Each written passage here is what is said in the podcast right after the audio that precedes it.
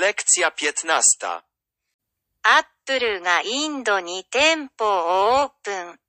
インド初のアップルストアがアップルセオのティム・クックによって正式にオープンした。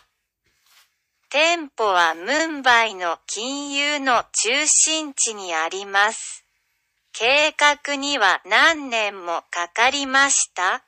アップルはインドの法律を遵守しなければなりません。ルールの一つは、アップルがローカルのソースを使用しなければならないということです。アップルはインドでもっと稼ぎ、製品を作りたいと考えている。企業にとって、この国でビジネスを行うことは重要です。アップルは今年3月までにインドで約60億ドルを稼いだ。アップルはインドで製品を生産するために新しい工場を建設し、より多くの労働者を雇用している。インドでは iPhone やその他の Apple 製品を購入したいと考える人が増えているため、これは朗報だ。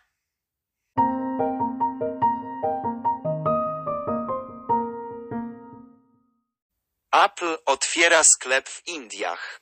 Nastąpiło oficjalne otwarcie pierwszego sklepu Apple w Indiach przez dyrektora generalnego firmy Apple, Tima Cooka.